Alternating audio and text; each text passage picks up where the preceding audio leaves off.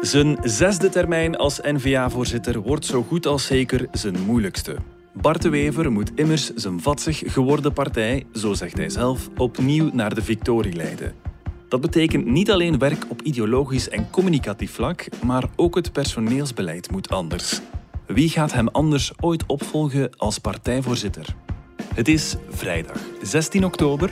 Mijn naam is Niels de Keukelare en je luistert naar de podcast van De Standaard.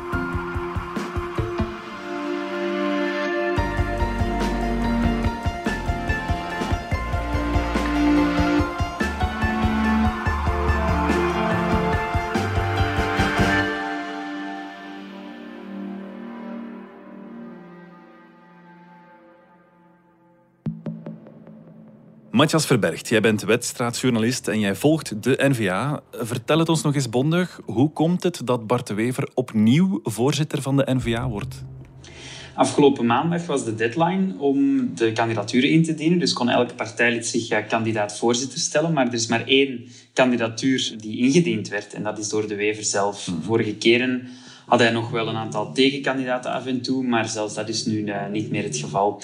Dus dat betekent dat ja, het zo goed als zeker is dat uh, Bart de Wever begin november uh, wordt aangesteld als inderdaad uh, de nieuwe voorzitter, of toch zijn termijn verlengd wordt. Mm -hmm. Het is dan de vierde keer dat de Wever eigenlijk een uitzondering vraagt op zijn partijstatuten, die eigenlijk maar twee termijnen toelaten. Ja. En ja, hij gaat dan bijna twintig jaar voorzitter zijn geweest van de NVA. Zijn termijn verloopt in 2023. Ja, maakt dat van hem de langst zittende voorzitter in de Belgische politieke geschiedenis?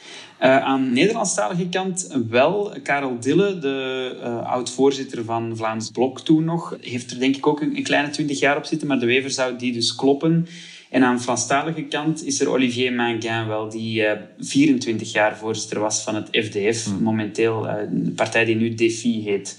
Maar het is wel een, een zeer, eh, zeer lange termijn. Ja, mag ik dat tekenend noemen voor de partij of is er gewoon geen andere optie? Het is eigenlijk beide. Het is tekenend voor de partij dat er geen andere optie is, denk ik.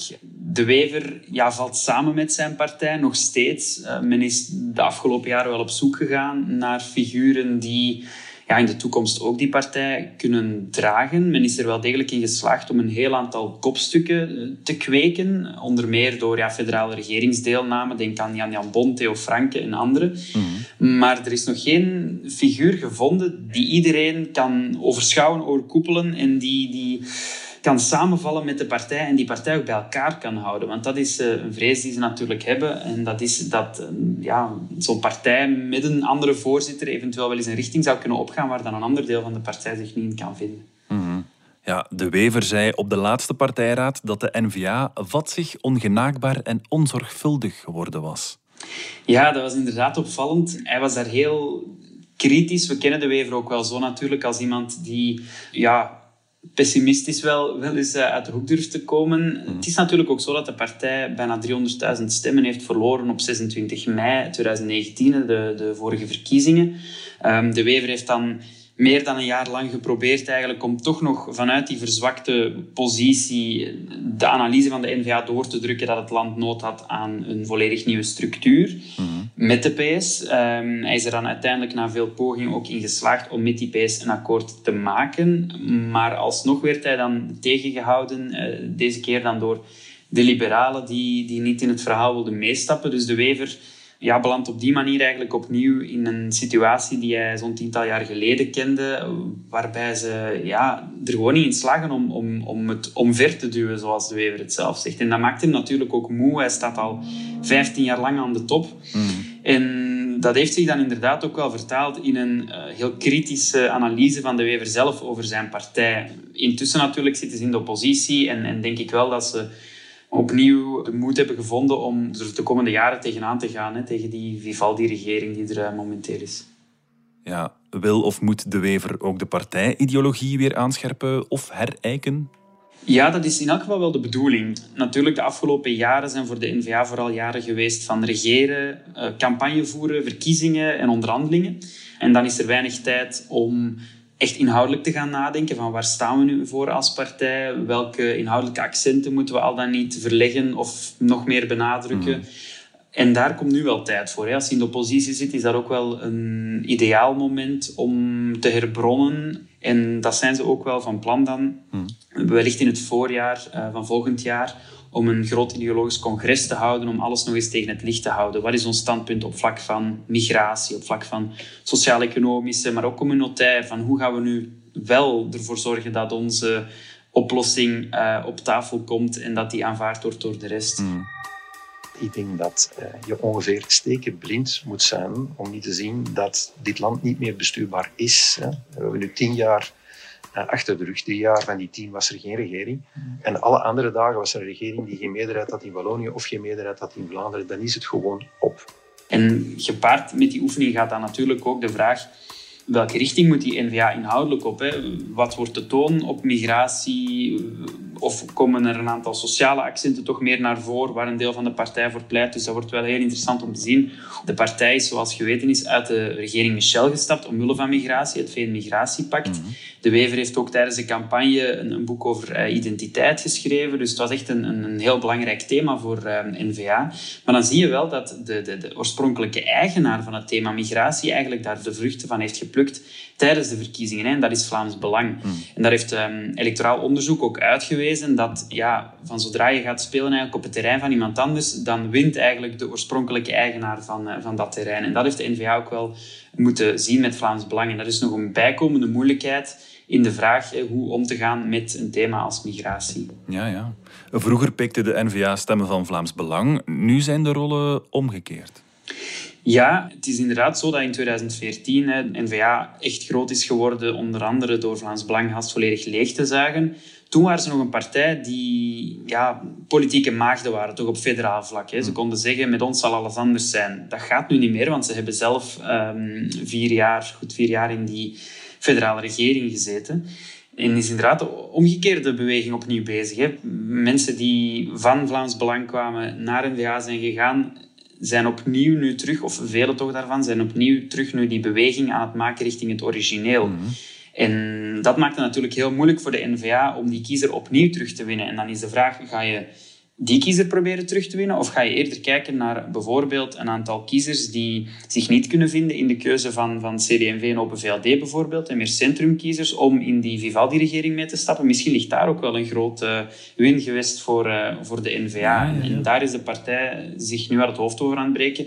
Tekenend ook wel voor het feit dat de NVA nu volop in oppositiemodus is gegaan hè, tegen die Vivaldi-regering, is dat ze um, eigenlijk nu heel recent Vlaams Belang hebben voorbijgestoken op Facebook als het aankomt op het geld dat ze spenderen aan advertenties ah, op, uh, op Facebook. Dus je ziet dat de NVA nu meer geld uitgeeft aan advertenties op Facebook dan Vlaams Belang. Vlaams Belang is echt de pionier daarin geweest, heeft jarenlang enorm ingezet op Facebook, honderdduizenden, miljoenen euro's daaraan uitgegeven. En nu zie je dat NVA eigenlijk um, die koppositie overneemt. Hmm.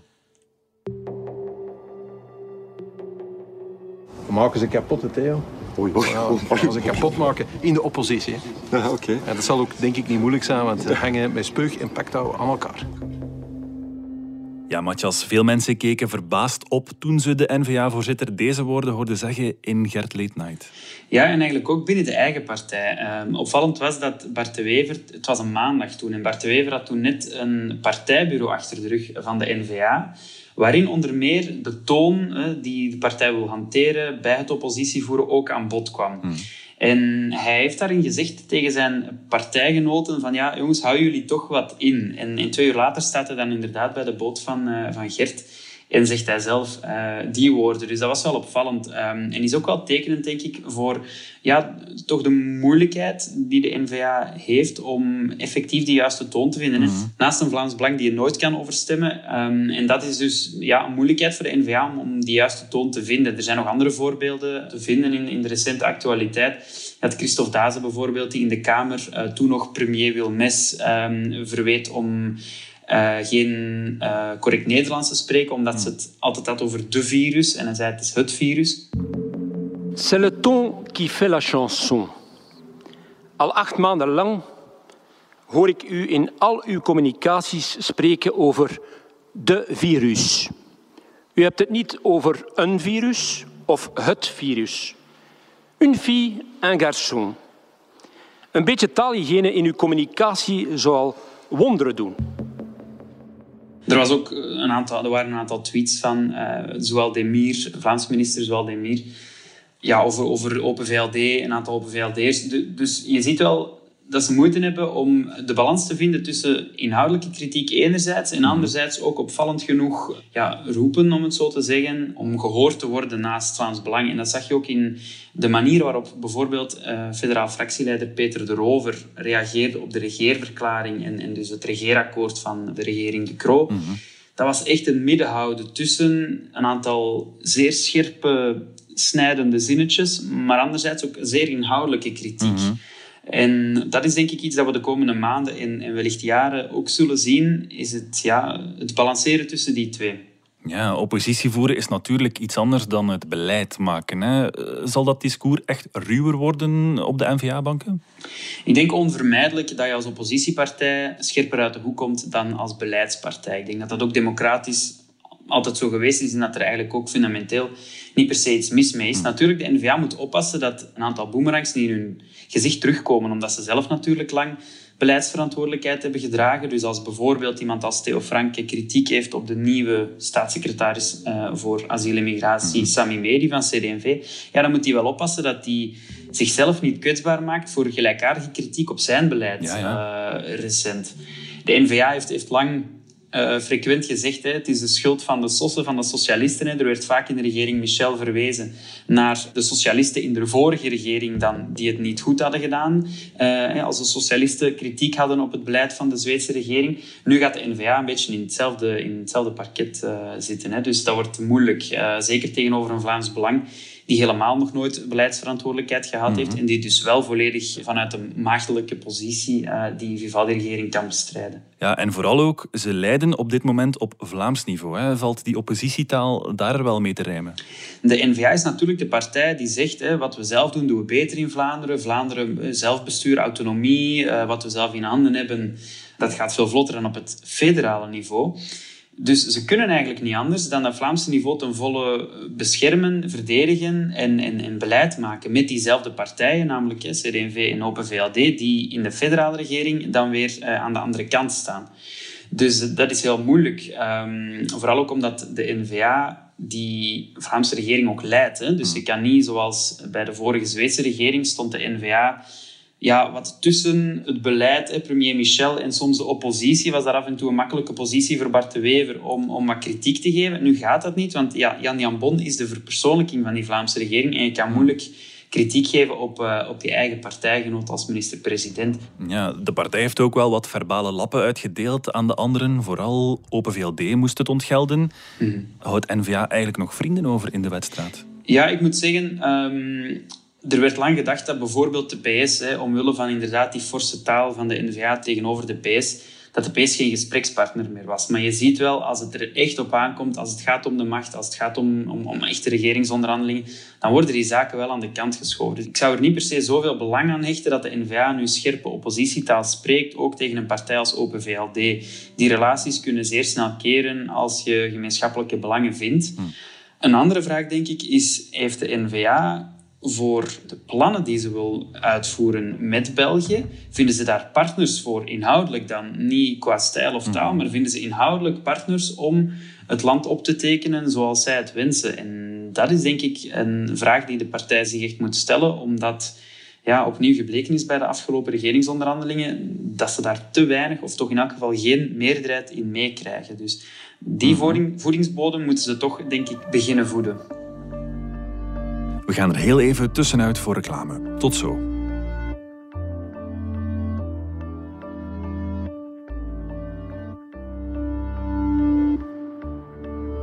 Als je kunt starten met vandaag binnen een organisatie gaan zeggen van oké, goed, we gaan een hoop van de beslissingen die op managementlagen of op CEO-levels naar beneden of op de werkvloer zetten, ja, gaat er heel veel veranderen. En alles beweegt. Een podcast waarin Vlaamse CEO's en prominente HR-managers vertellen hoe ze hun onderneming en werknemers in beweging houden. Beluister de reeks op jouw favoriete podcast-app. VDHB en alles beweegt.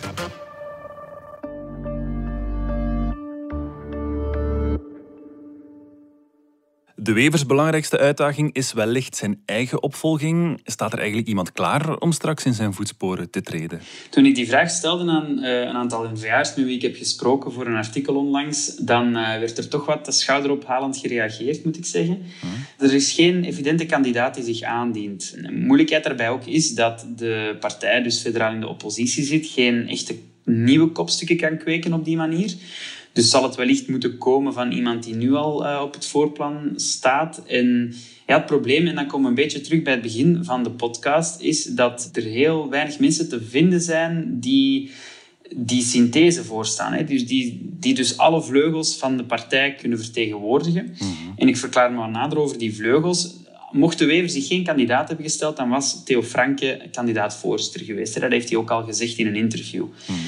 Um, als hij zich kandidaat-voorzitter had gesteld, dan had Valérie Van Peel, die ja, de laatste jaren toch een beetje is uitgegroeid tot het meer gematigde gezicht van de partij, sociale gezicht ook, dan had zij zich kandidaat gesteld, vernemen van uh, verschillende mensen. Dus dat had natuurlijk wel een interne strijd veroorzaakt tussen die, uh, laten we zeggen, rechtervleugel en de gematigdere vleugel. Mhm. En de vraag is maar of de Wever de komende jaren iemand vindt die tot geen van die twee kampen kan gerekend worden. Ja, Marian Peumans zegt in Humo dan weer... Zonder Bart de Wever valt de N-VA uit elkaar.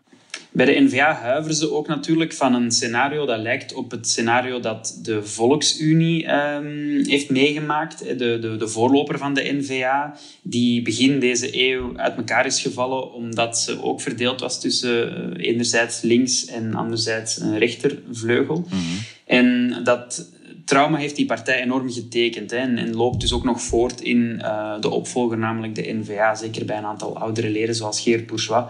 En vandaar dat eigenlijk Bart de Wever op dit moment, denk ik, de enige persoon was die dat allemaal bij elkaar kon houden. En de vraag is of ze de komende jaren iemand vinden die die rol kan overnemen. Ja, maar de NVA heeft toch twee ondervoorzitters, Lorin Parijs uit Leuven en Siltje van Achter uit Brussel. Zijn zij geen logische kandidaten om straks dat roer over te nemen? Mijn gok is dat geen van de twee de kandidaat zal worden. Um, ik denk enerzijds Siltje van Achter is een politica inderdaad uit Brussel, um, maar die denk ik toch niet ook door velen in het partij-establishment uh, van de NVA gezien wordt als iemand die die partij kan dragen. Um, die, die bijvoorbeeld in de, in de grote voorzittersdebatten uh, gemakkelijk de bovenhand kan halen van collega-voorzitters. Mm -hmm. Anderzijds, Lorin Parijs is iemand die communicatief uh, heel sterk is, die ook heel veel van de, van de woordvoering eigenlijk van de NVA voor zijn rekening neemt, omdat de Wever nogal spaarzaam is met zijn mediaoptredens. Maar we hebben altijd gezegd dat uh, Coton Sanitaire niet wordt is ondertekend, hè, maar we hebben wel grote problemen met... Met een aantal standpunten, met een aantal figuren en ook met de stijl die dat zij gehanteerd hebben. Maar Lorin Parijs is ook wel iemand die ja, enkele jaren geleden eigenlijk van uh, Open VLD is overgekomen. Die heel snel heeft carrière gemaakt binnen de NVA. Maar die ook niet bij alle partijleden zo goed ligt, net omwille van hè, die voorgeschiedenis. Hij is niet uh, een, een NVA van het eerste uur. Dus ook daar denk ik dat het draagvlak misschien uh, te klein is om, om echt voorzitter te kunnen worden. Ja. Moet ook de rest van het personeelsbeleid terug strakker gemanaged worden? Ja, ik denk in elk geval, dat is ook wat Valerie van Peel bij ons in de krant zei, moet de NVA gaan kijken welke kopstukken willen we nu uitspelen. Hè, en daarbij hoort welke thema's willen we nu uitspelen. Um, zeker nu dus bekend is dat ze in de oppositie komen. Hè. Een aantal rollen liggen al wel vast. Peter de Rover bijvoorbeeld blijft de federale fractieleider. Ook daar was wat twijfel over gerezen, omdat bijvoorbeeld iemand als Theo Franke dan wel gewoon Kamerlid is uh, en geen uh, fractieleider. En op andere vlakken zie je wel dat de partij zich ook al wel wat in stelling is aan het brengen voor de verkiezingen van 2024. Uh, onder meer met de verhuizing van Asita Kanko van Brussel naar Vilvoorde. Maar verder denk ik nog dat heel veel van die oefening nu gemaakt zal worden. Hè, de komende maanden mm -hmm. uh, en eventueel zelfs, zelfs jaren. Dus ik denk dat ze daar nog wel, uh, nog wel hun tijd voor gaan nemen. Ja, dus die interne vernieuwingsoperatie is eigenlijk al ingezet. Ja, denk ik wel. Um, het stof is, is neergedaald. Hè. Dus um, de wever kan nu, zoals de rover het uh, zegt als goede huisvader zijn huis uh, klaarmaken voor de volgende huurder. Hè, door alles nog eens goed op te kuisen en de gaten in de muur op te vullen. Dus uh, ik denk dat dat inderdaad zal gebeuren de komende maanden. Um, ten eerste dus inhoudelijk en ten tweede dan ook effectief wat, wat personeel en gezichten betreft. Ja, en tot slot Matthias, in een recente peiling leek de NVA weer wat procenten te winnen. Is de opmars weer begonnen? Het gaat over één peiling die ook via een internetpanel is afgenomen en waarvan de foutenmarges toch redelijk hoog liggen. En die bewegingen waarover je het hebt, vallen eigenlijk ook binnen die foutenmarges. Dus hmm. ik zou daar niet te veel belang aan hechten. Het zal voornamelijk afwachten zijn hoe de NVA en Vlaams Belang zich eh, ten opzichte van elkaar zullen verhouden. Ik denk niet dat de NVA nu moet eh, denken dat uh, alle problemen plots achter de rug zijn, omdat ze in deze peiling er een beetje op vooruit gaan. Oké, okay. Matthias Verbergt, dankjewel. Graag gedaan. Dit was de podcast van de Standaard. Bedankt voor het luisteren. Wil je reageren? Dat kan via podcast.standaard.be. Alle credits vind je op standaard.be-podcast. Morgen zijn we er opnieuw.